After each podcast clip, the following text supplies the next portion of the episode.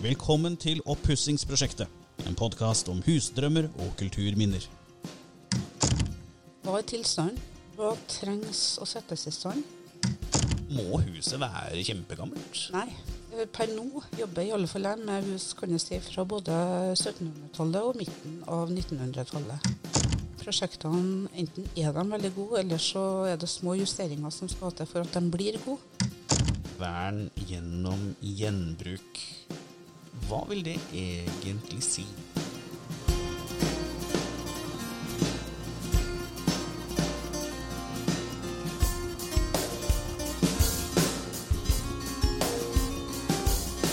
Du er kanskje en av de som er i en prosess med å flytte hjem igjen, eller kanskje du kjenner noen som er på vei tilbake til barndommens trakter, og så har de sett et nydelig gammelt hus som de har lyst til å bo i. Alle gamle hus de har jo sin sjarm, men du vet kanskje ikke hva du må gjøre med det, og hva du skal forholde deg til. Vi anbefaler jo en tur innom Kulturminnefondet, og jeg har fått med meg rådgiver Marianne Magnussen, som skal ta med deg og meg gjennom en eh, fagansvarligs tanker og hva vi i Kulturminnefondet må forholde oss til. Mitt navn er Jørgen Bakken, og i dag skal vi innom det byråkratiske. Nei da, det er ikke så farlig som det høres ut som, altså.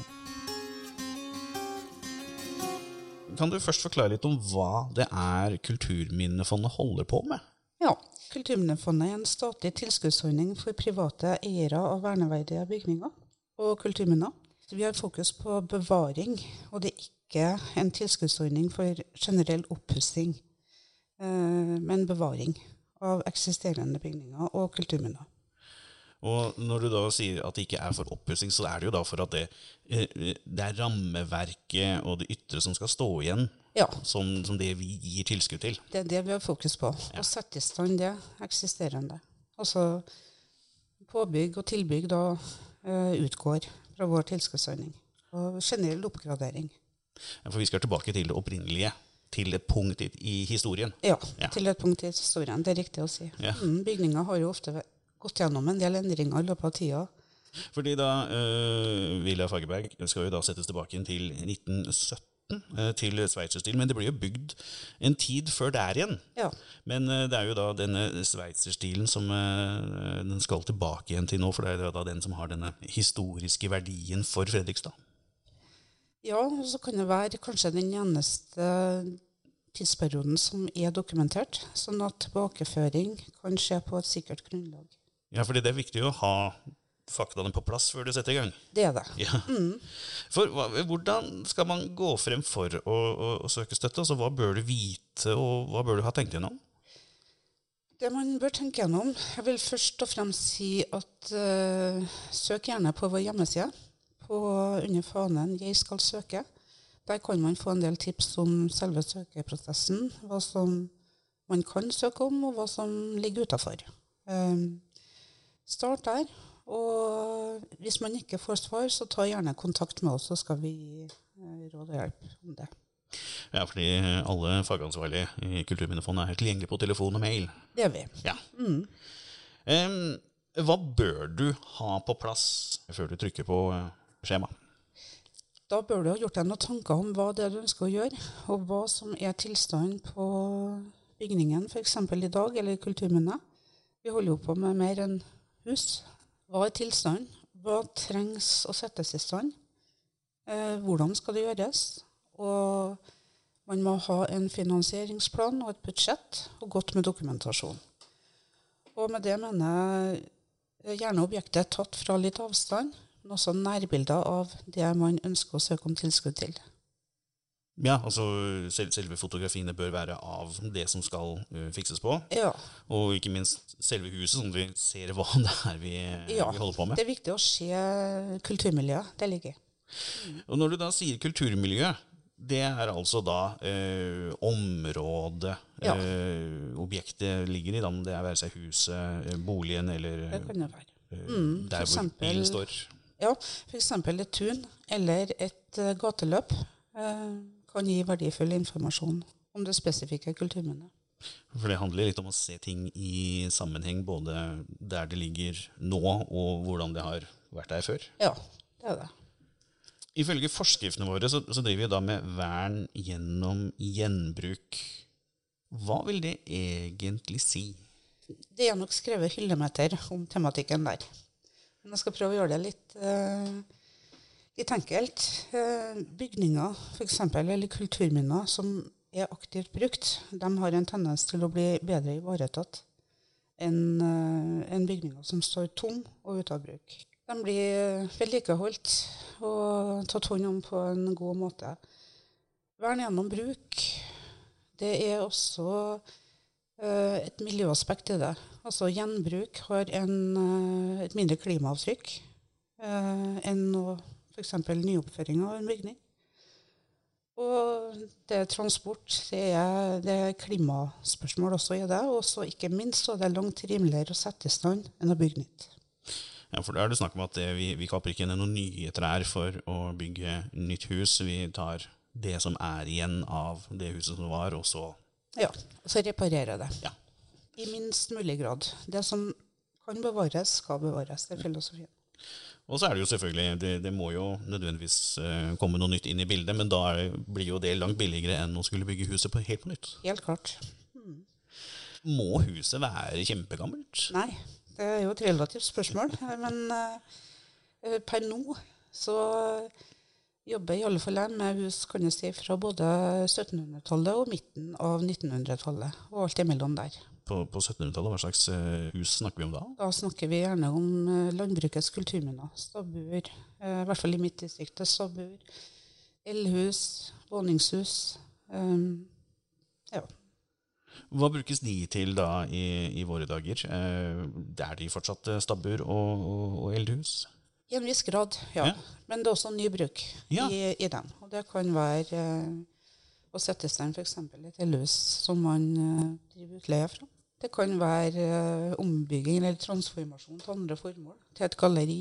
Det er vel også en av de tingene som er nedfelt eh, hos Kulturminnefondet. er vel også det at det, du kan bruke huset på nye måter. Det kan du. Skape ny næring. Ja, absolutt. Men da de som er bygd på type 50-tallet, 1950-tallet, hva, slags, eh, hva slags bygg snakker vi om da? Det kan være veldig representative bygg, f.eks. En representativ bolig som er veldig tidstypisk for 50-tallet, eh, hvor det er gjort lite endringer. Viktig å bevare dem eh, i dag. Eh, det kan også være eh, arkitekttegna boliger fra slutten av 60-tallet med kjente arkitekter. Eh, vi har en del av dem som er både internasjonalt og nasjonalt godt kjent. Viktige kulturminner med store arkitektoniske verdier i seg. Nettopp, ja. Så vi beveger oss innimellom oppover mot 70-tallet også? Det gjør vi, og det, det er jo ønska òg, da. Ja, fordi eh, om 10-20 år så vil jo sannsynligvis da grensen for hvor, eh, hvor nye hus vi kan ta, den vil ha flytta seg litt eh, om i tidslinja? Det er vanskelig å spå hva som er verneverdig i morgen. Det er det. Det er en del ting vi ikke støtter uh, i forbindelse med vern hus. Og det er jo uh, spesielt elektriske anlegg. Mm. Det, det, rører ikke vi. Nei. Uh, hvorfor ikke det? Det er ikke det som eh, på en måte går inn under vår eh, formålsparagraf om bevaring, da kan du si. Det blir fort oppgradering til noe som ikke har vært.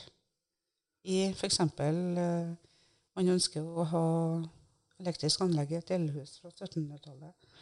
Det fantes ikke? Nei. Nei. det gjorde ikke det. Men der, der, finnes det støtteordninger? Det gjør det. Ja. Mm, det finnes andre støtteordninger, f.eks. brannvarsling, eh, istandsetting av ovner, innsetting av røykrør og den typen ting. Der finnes så andre støtteordninger som har uh, som formål å ja, skadeforebygging. Mm. Mm. Og der er det mulig å søke om det vi ikke gir tilskudd til. Men da gjør vi det da så enkelt som at det, når da eh, folk ringer til oss og sier jeg må få, også få fiksa det elektriske anlegget, så henviser vi til rette. Ja, det gjør vi. Ja. Det, det, er jo veldig greit å vite for de som da sitter der og lurer på alt mulig. Ja, da, da er det bare å ta kontakt. Så prøver vi å hjelpe så godt vi kan.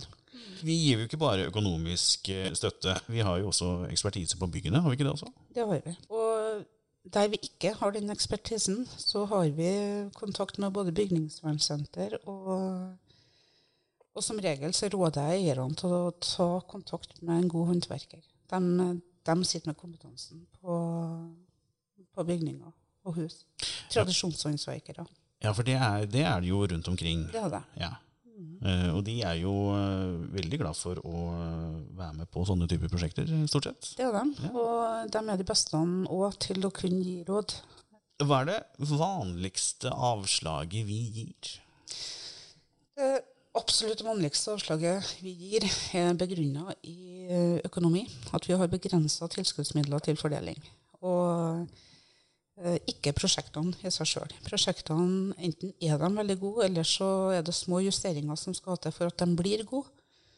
Men vi har som sagt eh, vi må gi masse avslag pga. at vi ikke har nok midler til fordeling. Og i de begrensa midlene vi har, så må vi også prøve å få til en god geografisk fordeling. Og vi ønsker også en fordeling, et mangfold av kulturminner fra ulike tidsperioder. Og det vil si, det er ikke bare landbruksbygninger, men det er også ja, forretningsbygg. Det kan være alt mulig rart. Altså damanlegg, veier, stier. Ja, vi ønsker et mangfold av kulturminner. Og da må vi nødt til å foreta en, uh, en prioritering mellom dem. Vi har jo da gitt mye til eh, lokale og rurale strøk. Men vi har vel også hatt et, lite, et litt større blikk på byer Ja. i de siste årene? Vi prøver å få til ulike, ulike kulturmiljøer og et størst mulig mangfold, rett og slett. Så her både stabbur og bygårder kan få sitt. Ja, eh, enkelt sagt så gjør det det, men ikke bare den typen konstruksjoner, men også teknisk-industrielle kulturminner. Og viktige spor som sier noe om eh, norsk historie. Tømmerfløting, f.eks. De koiene som uh, står inne i skogene, de eh, er òg viktige kulturminner. Ja, fordi det, det noe skal være uh, beboelig og uh, ny, eh, ny næring videre, Men sånne ting skal egentlig bare fortelle noe om hvordan det var. Litt som en, en slags lite museum ute i naturen. Det har også en verdi. eh, kan du si. Det, det har det absolutt. Men der man kan få til ny bruk, så er jo det optimalt. Hva er det rareste avslaget du har måttet ta? Vet du, Jeg kan ikke komme på at det har vært noen rare avslag. Eh, men eh, fordi at eh, eierne har eh, et genuint ønske om å sette sine kulturminner i stand.